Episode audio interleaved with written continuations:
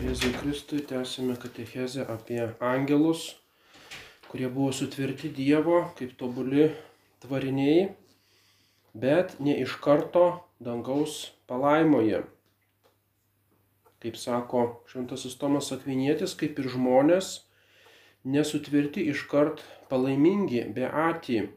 Kitaip negalėtų būti dalies angelų puolimo ir nebūtų demonų, kadangi po palaimingosios vizijos gavimo jau nebeįmanomas nupolimas. Tad gerieji angelai ne iš karto gavo palaimintai palaimingai regėjimą, kaip mane kai kurie bažnyčios tėvai, tarkim Šventasis Augustinas. Vėliau Augustinas pakeitė savo nuomonę. Tačiau iš karto po sutvėrimo visi angelai gavo Dievo malonę, kad pasiektų savo galutinį tikslą Tai reiškia per atsigrėžimą į Dievą, e, kad galėtų atsigręžti į Dievą ant gamtinių būdų, jiems reikėjo malonės. Ir tą malonę gavo iš karto po sutvėrimo, tai kaip ir Adomas ir Ieva. Iš karto po sutvėrimo buvo pakelti į malonės būklę. Tai yra panašiai kaip dabar po gimtosios nuodėmės per krikštą atgauname šitą malonę o pirmieji protingi tvariniai tą malonę gavo iš karto po sutvėrimo. Nei prigimties tobulumas pas angelus, nei ta nepaprasta malonė, kurį jie gavo, neatėmė iš angelų laisvos valios kai kuriems iš jų nusidėti. Tai reiškia, jie dar nebuvo įtvirtinti toje malonėje ir tą įtvirtinimą gali atlikti tik tai palaimingasis regėjimas e, Dievo e, artume danguje. Taigi iš karto po sutvėrimo Dievas visus angelus pakėlė į antgamtinę tvarką, tai yra davė antgamtinį tikslą, tai yra Dievo regėjimas, bei malonės užtenkamas tam tikslui pasiekti, kaip e, teigia taip pat Šventasis Pijus V prieš Bajų yra, tai yra bažnyčios mokymas. Ir štai angelų išbandymas, visi angelai turėjo išlaikyti tam tikrą moralinį bandymą.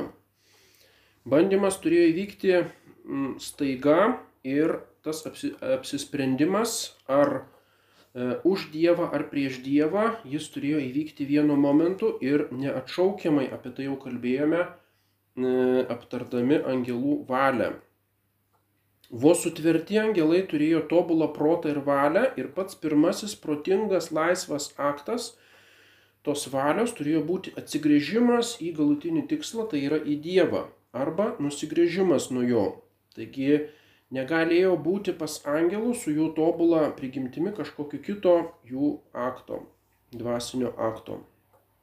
Ir štai kokia to išbandymo e, esmė, apie tai neskaitome šventajame rašte, ir yra tradicija, kad jie turėjo pripažinti būsimą Dievo sūnaus įsikūnijimą. Tai yra e, pripažinti ir pagarbinti įsikūnijusi Dievo sūnų, kad Dievo sūnus antrasis švenčiausios trybės asmuo, kuris Dievas, kuris yra žymiai aukštesnis už angelus, prisijims žmogaus prigimti, o ne angelo prigimti. Tai yra kažką žemesnio negu angelai Ir būtent kaip žmogų Jėzų Kristų jie turėjo pagarbinti. Taip pat yra pamaldi tradicija, kad turėjo pagarbinti kaip žmogų Dievo motiną, kaip savo karalienę, švenčiausią mergelę Mariją, kadangi dėl Dievo motinystės malonės jinai buvo absoliučiai tampriai susijęta su Dievo sūnaus įsikūnymo paslaptimi. Taigi turėjo priimti paprastą e, mergelę, kuri nepalyginamai žemiau stovėjo negu jie e, prigimties lygmenių pagarbinti kaip savo valdovę. Gerieji angelai išbandymą atlaiko, atlaikė, tai įvyko pirmu jų valios aktu, priimant šitą malonę, e, priimant būsimąjį Dievo žodžio, logos arba Dievo sūnaus įsikūnymą. Žiūrėkite, sako Jėzus Kristus, kad nepaniekintumėte nie vieno iš šitų mažutėlių, nesakau jums, jų angelai danguje visuomet regi mano dieviškojo tėvo veidą.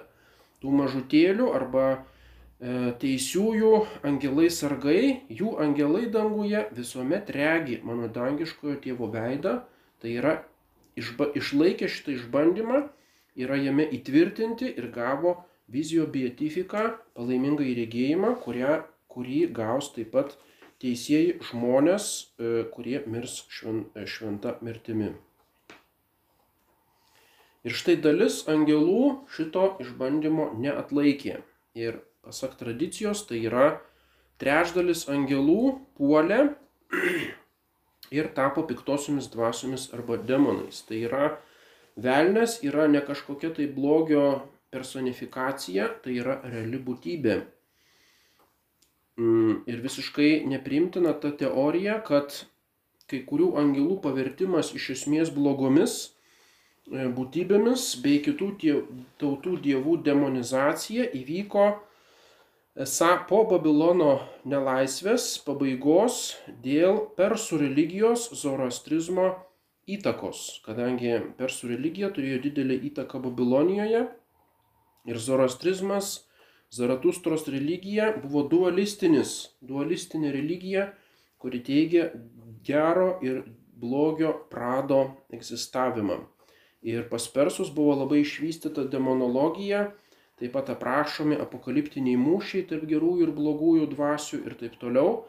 Ir esą iki šitos Babilono nelaisvės pas žydus angelai buvę tokie ambivalentiški, neaiškios e, E, neaiškaus moralinio vertinimo ir tik tai paskui įsigalėjo tasai dualizmas, kad esą geri ir blogi angelai.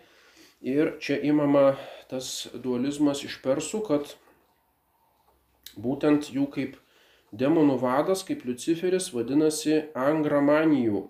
Angramanijų reiškia greunančioji dvasia, greunančioji dvasia, kur yra priešingybės pentamanijų, tai yra šventosios dvasios, šventosios dvasios Ir um, šitos dvi dvasios, jos kaunasi mm, ir spentamanijų gerąją dvasę remia Ahura Mazda, kuris yra aukščiausioji dievybė zoroastrizme.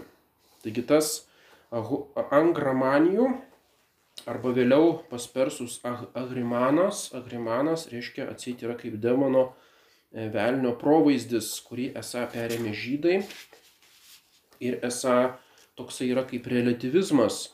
Jeigu mūsų, tai yra Dievas, o jeigu svetimos tautos, ypač priešų tautos, tai jau yra demonas. Reiškia, atseit vien dėl politinių priežasčių svetimų tautų dievybės yra sudemoninamos, paverčiamos kažkokiamis piktomis dvasiomis. Aišku, tai yra visiškai relativistinis požiūris. E, toks relativizmas galioja žmonių visuomenėje, kaip yra žymioji knyga lietuvių kalbą išleista mūsų patriotizmas, o jų šovinizmas. Reiškia, mes esam geri ir mūsų tautiniai jausmai yra kilnus patriotizmas, o kitų tautų tautiniai jausmai tai yra perdėtas šovinizmas ir jie, e, reiškia, yra kaip blogiečiai. Ir aišku, čia yra nepriimtina. Mm, tai yra iš tikrųjų toks realus relativizmas, e, kur nėra blogio arba gėrio moralinių savokų, ten yra tam tikras santykinis vertinimas, kiekvienas myli savo tautą. Tačiau šitokio relativizmo kultūrinio visiškai negalime taikyti teologiniai sryčiai.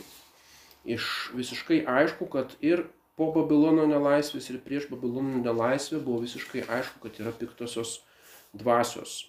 Nors apie tai mažai skaitomi iš pradžių senosiose Senojo testamento knygose. Taigi piktųjų dvasių buvimas yra tikėjimo dogma, ketvirtasis Laterano susirinkimas.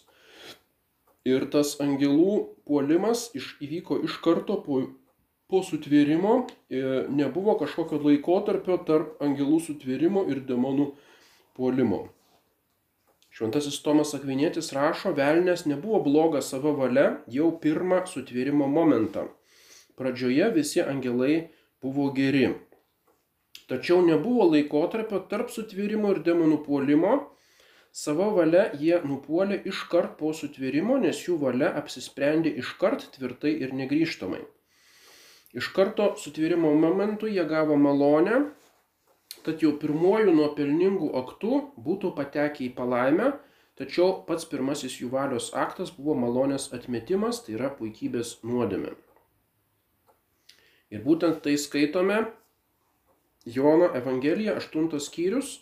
Jų tėvas yra velnes ir jūs pasišovė tenkinti jo užgaidas. Jis nuo pat pradžios buvo galvožudys ir niekuomet nesilaikė tiesos, jame ir nėra buvę tiesos.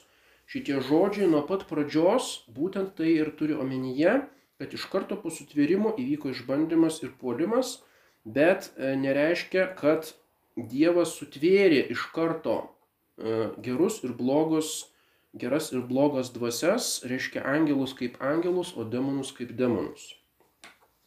Nuo pat pradžios tai yra būtent laisva valia įvykdytas e, blogųjų angelų puolimo aktas. Pirmas Jono laiškas, trečias skyrius, kas daro nuodėmę, tas išvelnio, nes velnės visas nuodėmėse nuo pat pradžios. Būtent tai reiškia šitie žodžiai nuo pat pradžios.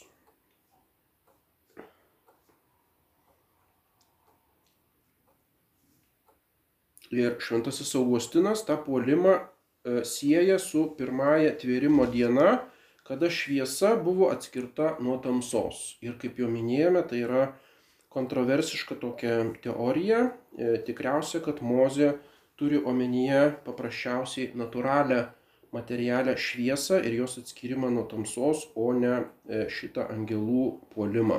Nieko, nėra jokių užuominų Sename testamente, kad būtent Čia šviesa ir tamsa reiškia geras ir blogas dvasias.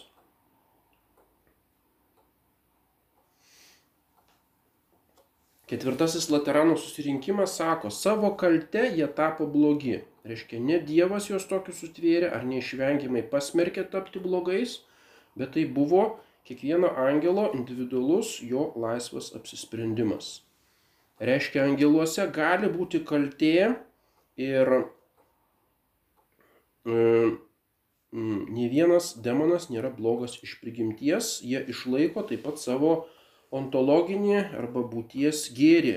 Šitai pabrėžia šventasis Tomas Akvinėtis ir taip pat Augustinas kritikuoja neoplatoniką Porfirijų, teigusi, kad demonai turi jūslinę prigimtį, todėl natūraliai linkia į blogį. Tai visiškai nepateisinama filosofiškai kad reiškia gerieji angelai turi kažkokią kitokią prigimtį negu blogieji, demonai turi jūslinę e, su emocijomis ir instinktai susijusi prigimti ir todėl buvo silpnesni ir todėl nupuolė. Aišku, nieko, nieko panašaus nebuvo.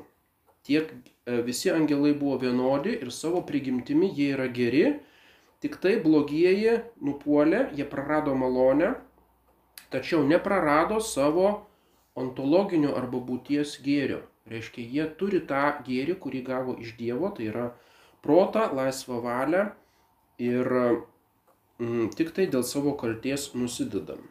Ir taip pat Tomas Akvinėtis sako, angelas negali nusidėti e, atleistinąją arba lengvąją nuodėmę, kiekviena e, piktosios dvasios nuodėmė yra mirtinoji nuodėmė.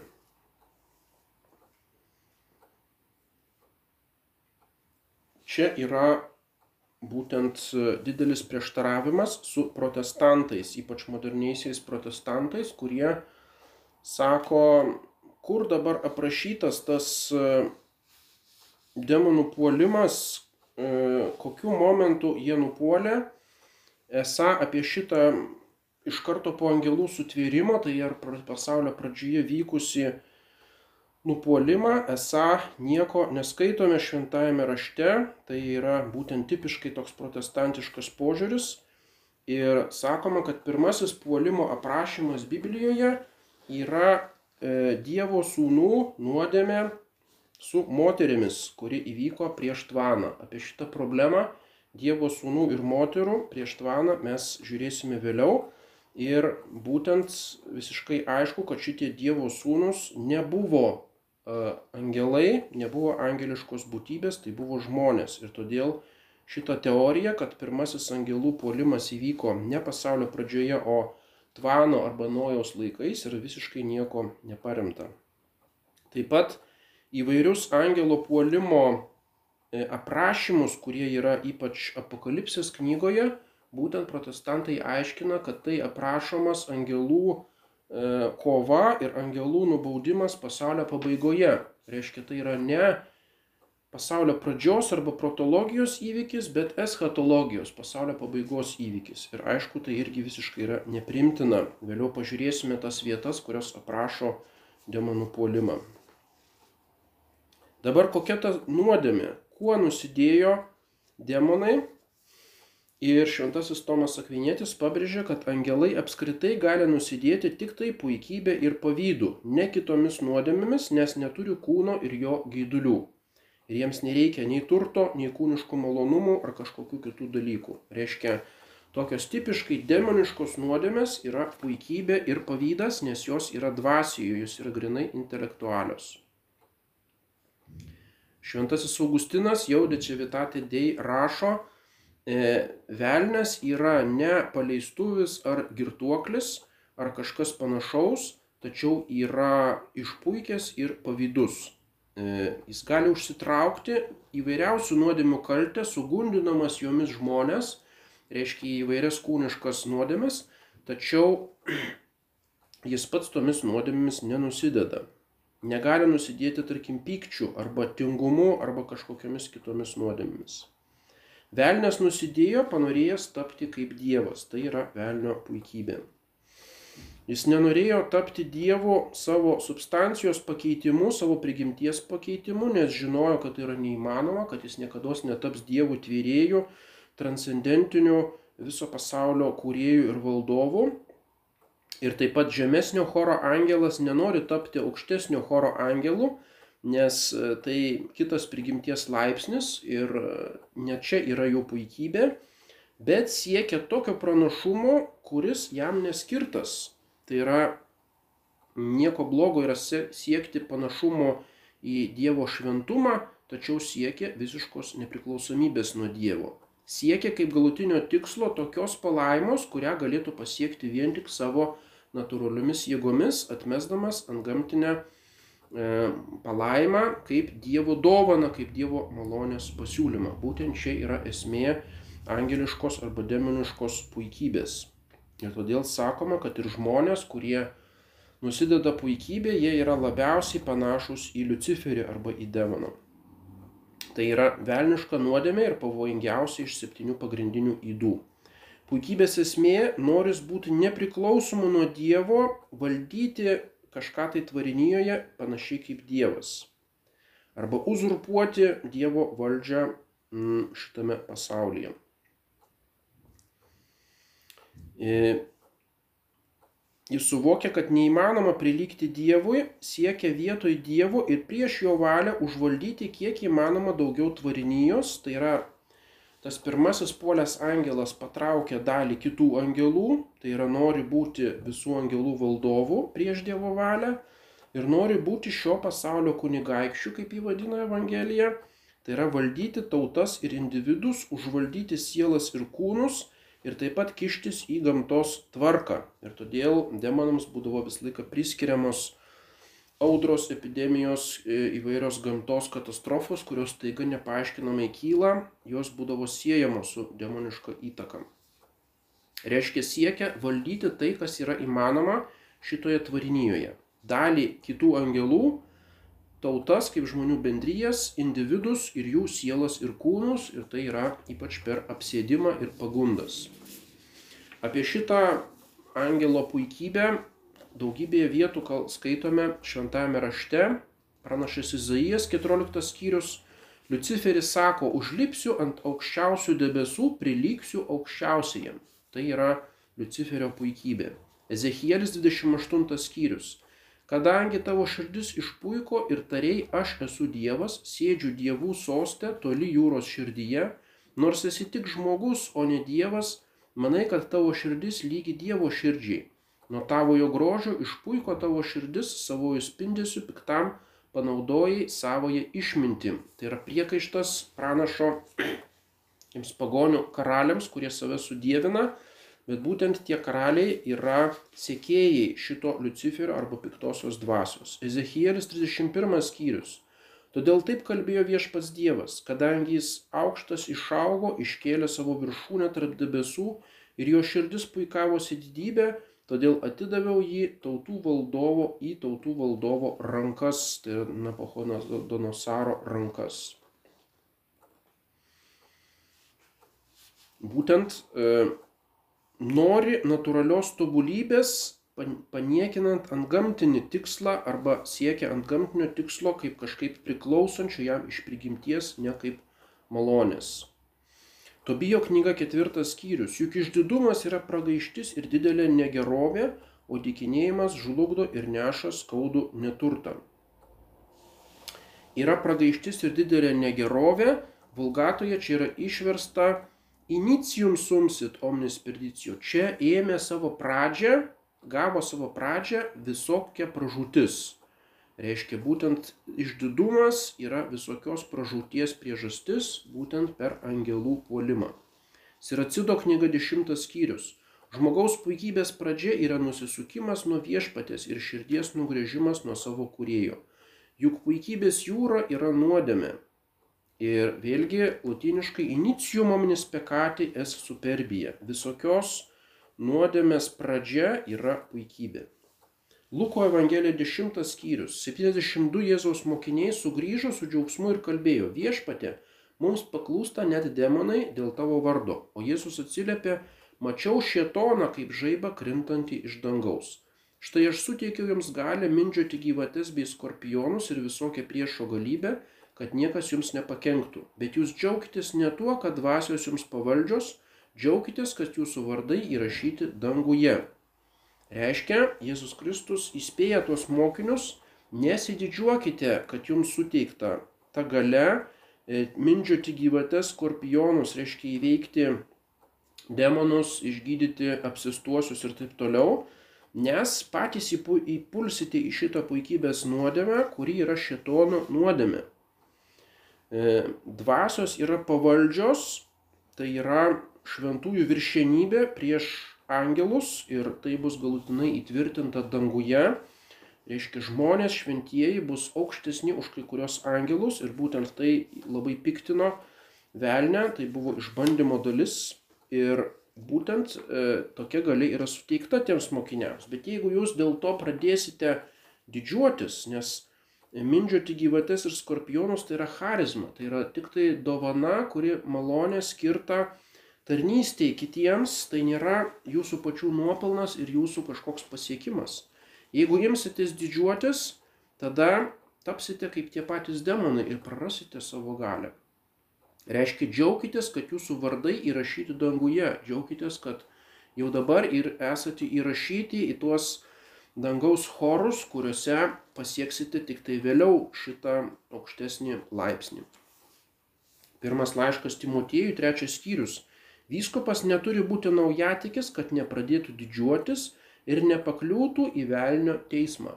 Reiškia, vyskupas taip pat dėl savo pirmenybės bažnyčioje, jis neturi didžiuotis, nes tai yra tarnystė, tai yra sunki pareiga, jis turi tarnauti bažnyčiai ir kad per šitą puikybę jis neįkliūtų į velnio teismą, reiškia nebūtų teisiamas taip kaip velnės. Kaip e, velnės būtent buvo nubaustas kaip tik už puikybės nuodėmę.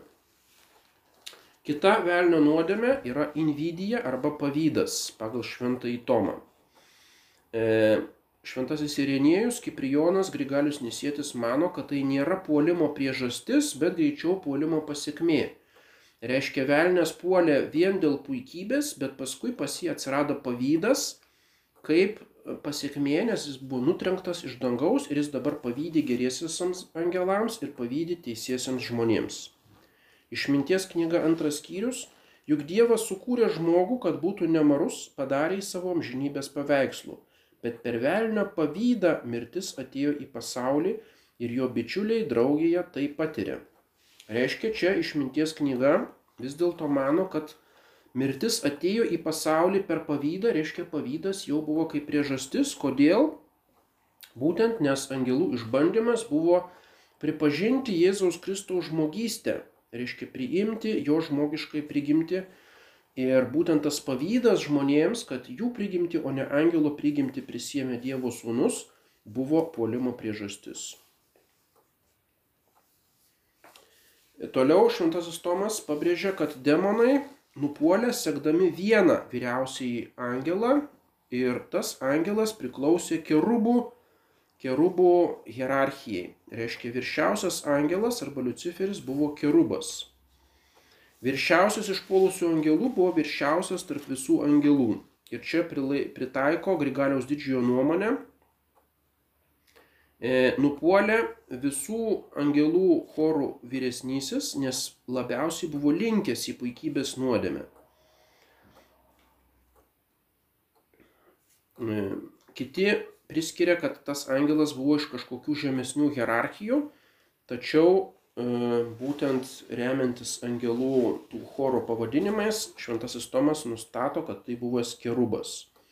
Ir remiasi Ezekielio 28 skyrius, sukūriau tave kaip kerubą, lik buvo atrasta tavo kaltė. Reiškia, Ezekielius 28 skyrius kalba apie šitą angelo puolimą ir būtent įvardė, kad tai kerubas. Tačiau Tomas netkreipė dėmesio, kad čia yra tam tikras prieštaravimas, nes aukščiausias choras pirmoje hierarchijoje yra serafai, o ne kerubai. Kerubai yra tik antrasis laipsnis. Ir kodėl būtent ne serafas buvo tas aukščiausias puolės angelas, o būtent kerubas, kažkaip tai Tomas šito ir nepaaiškina. Viršiausiojo angelo nuodėmė buvo dalies žemesniųjų angelų puolimo priežastis apreiškimo knyga 12 skyrius, slibino uodega nušlavė trešdalį dangaus žvaigždžių ir nužėrė jas žemėn. Šitą eilutę remintis bažnyčios tėvai sako, kad būtent trešdalis angelų puolė.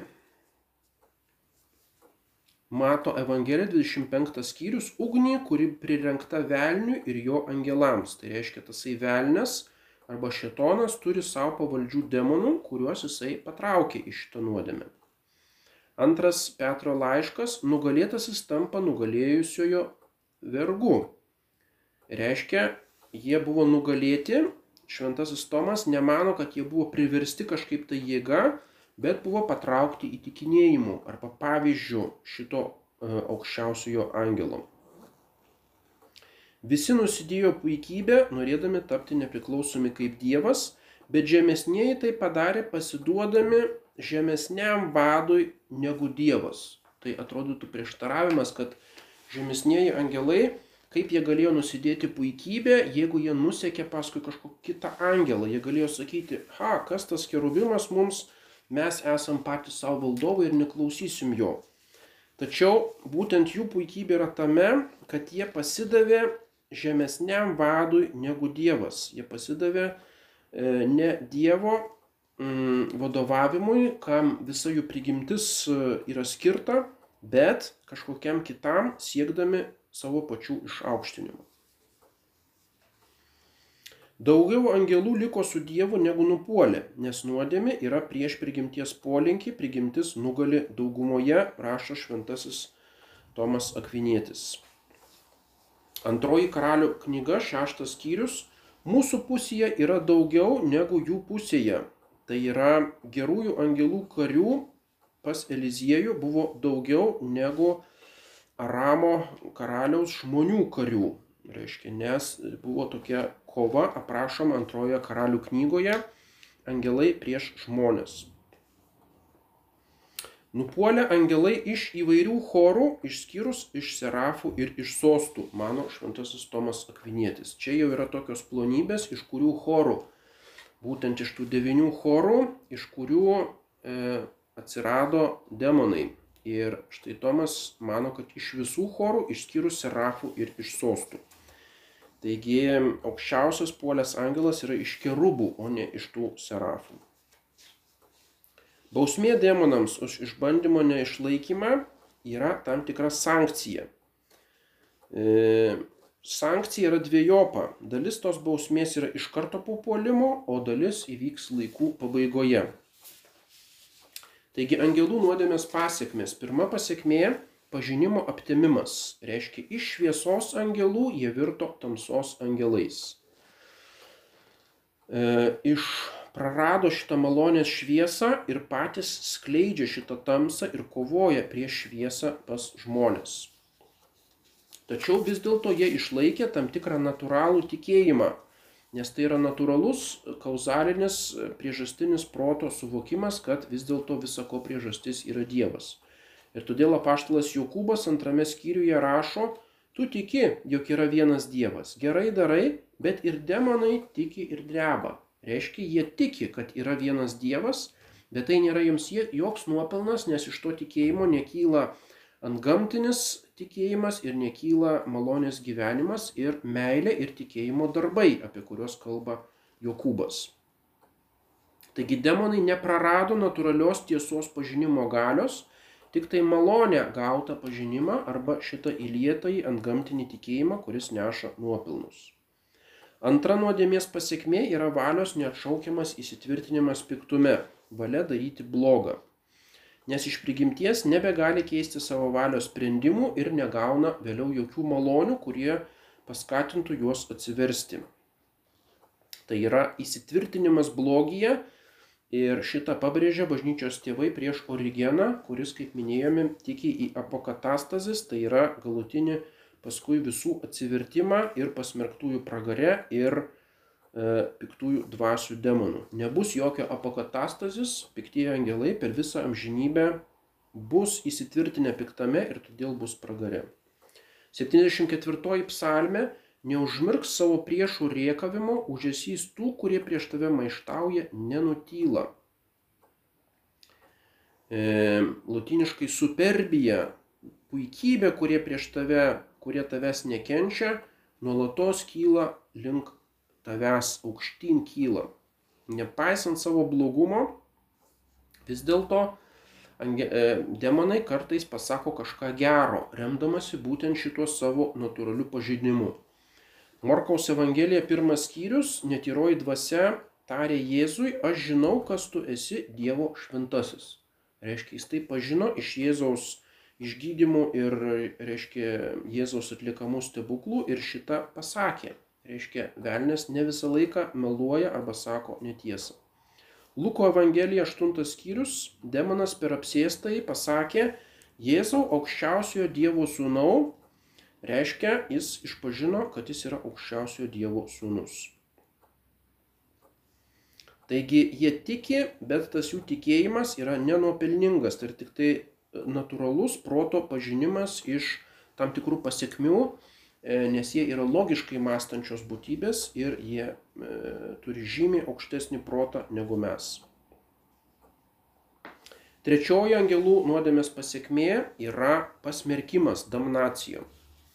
Tai yra amžinas netikimas palaimingojo regėjimo, pena damni, skausmas dėl to, kad prarado vizijo beatifika, kad prarado tą palaimingą įregėjimą ir nebegali savo jėgomis pasiekti tos palaimos, kaip e, būtent jų puikybė jiems sakė. Demonai jaučia skausmą dėl nuodėmės, kuris yra jiems bausmė. Tas skausmas yra grinai dvasinis, tai nėra kaip pas mus juntamas skausmas, bet būtent E, suvokimas, kad netekai savo svarbiausiojo tikslo palaimintojo regėjimo. Apreiškimo knyga 18 skyrius. Kiek Babelė puikavo ir lėbavo, tiek jai paruoškite kentėjimų ir nuliūdimo. Tai reiškia, kiek jinai išpuikusi, Babelė yra kaip nuodėmės ir kaip tai taip pat velnio simbolius, kiek jinai puikavo ir lėbavo, dabar jai bus kentėjimas ir nuliūdimas. Tai valios vidinė kančia, nes mato, kad nepaisant gundimų, nepaisant tos kovos prieš Dievą ir gerosius angelus, kiti pasiekia palaimą, o jie jos nepasiekia. Jie nori savo natūraliomis jėgomis iškilti, bet šito negali. Ir taip pat turi, turi baimę dėl grėsiančios būsimos bausmės, kuri bus pasaulio pabaigoje. Antroji pasmerkimo dalis yra išvarimas iš dangaus, tai yra iš Dievo bendrijos tas išvarimas įvyko staiga, Būtent Jėzus tarė, aš mačiau šietoną kaip žaibą krintant iš dangaus. Reiškia, jis kaip žaibas buvo staigiai nu, nutrenktas į tas žemasias sferas, į oro sferą ir paskui iš oro sferos į pragaro, į požeminę sferą.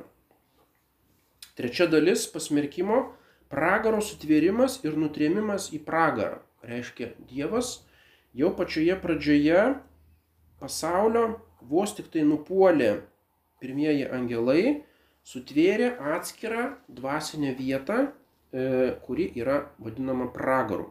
Tai jau yra eschatologijos, tai yra kita teologijos tema, bet pragaras nėra kažkokia tai tik tai būklė ar kažkokia metafora, tai yra reali dvasinė vieta, bet žinoma, jos negalime lokalizuoti. Taip kaip sakėme, dangaus negalime lokalizuoti tuo vektoriumi kryptimi į viršų, taip pragaro negalim lokalizuoti kryptimi į apačią. Jis nėra kažkur tai Žemės planetos e, gelmėse ar kažkur tai kosmose ar kitoje planetoje, o jis yra už šito kosmoso, už šitų e, erdvėlaikio dimensijų ribų, kažkur tai kitur, bet tai yra reali vieta, į kurią pateks tiek demonai, tiek pasmerktos žmonių vėlės patenka jau dabar ir joje bus taip pat žmonės po kūnų prisikėlimo su siela ir su kūnu. Reiškia, ten bus jų kūnas, kuris patirs taip pat fizinės ugnies bausmę, reiškia pati ta vieta turi tam tikras fizinės savybės, nes joje yra trijų išmatavimų kūnai ir taip pat materiali ugnis. Ir šitas pragaras yra kalėjimas daliai demonų iškart po pirmojo žmogaus pasmerkimo. Tai yra užduotis kankinti žmonių vėlės. E, galbūt, kaip vėliau minėsime, žalčio, žalčio nubaudimas rojuje, kad užliaužiusi pažemę rysi dulkės, galbūt tai jau yra suprantama kaip nutrenkimas į požemį arba, reiškia, ne žemės paviršiuje, bet jau į požemį kaip į pragarą. Ir svarbiausia, tas pragaras bus kalėjimas visiems demonams laikų pabaigoje. Ką tai reiškia? Tai reiškia, kad ne visi demonai arba piktosios dvasios iš karto atsidūrė pragare ir taip pat dabar ne visos piktosios dvasios yra pragare.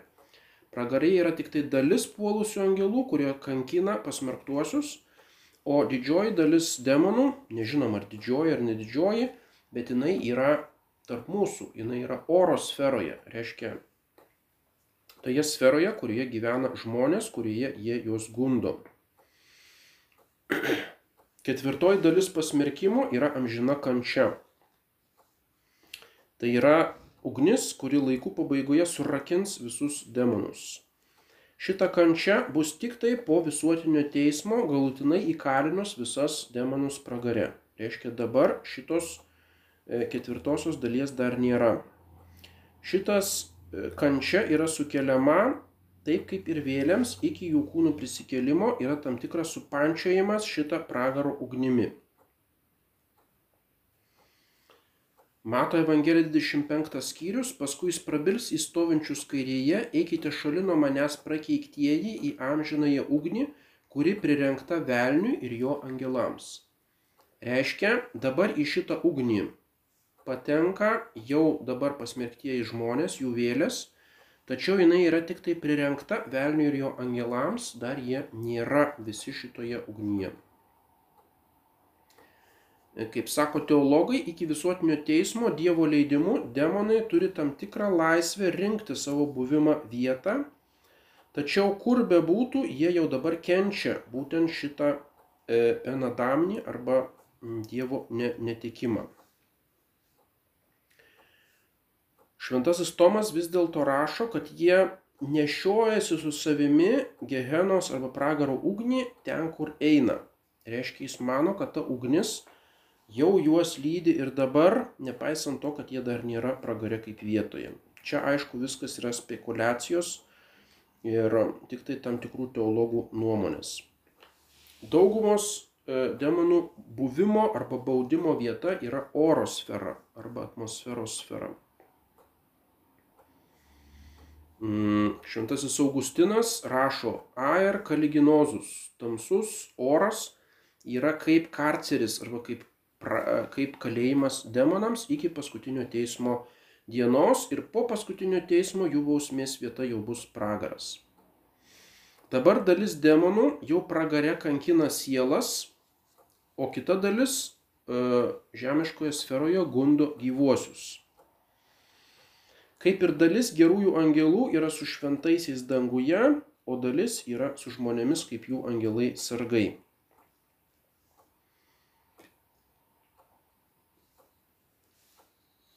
Jokūbo knyga trečias skyrius - liežuvis padega visą gyvenimo eigą, patsai pragaro padegtas. Reiškia, liežuvis jau dabar lyg nešiojasi tą pragaro ugnį, būtent jis pats save baudžia, nusidėlis, kuris nusideda liežuviu, jisai jau pats e, e, save kankina. Luko Evangelija 8 skyrius. Demonai maldavo, kad Jėzus neįsakytų jiems nugrimsti gelmėn, in abisum. Į gelmę reiškia į pragarę. Ir tada Jėzus perkelia tuos demonus į keules, o ne liepia eiti jiems į pragarą. Reiškia, demonai bijo šito pragaro ir, ir pragaro bausmės, pragaro ugnies kaip e, bausmės. Ir paskutinė e, nuodėmės pasiekmė yra gėdingas pralaimėjimas Kristui jo mirties ir prisikėlimo metu. Rytų liturgijoje Velykinė giesmė yra nuolat kartojama per visą Velykinę laiką. Mirtimi mirtį sutrypė.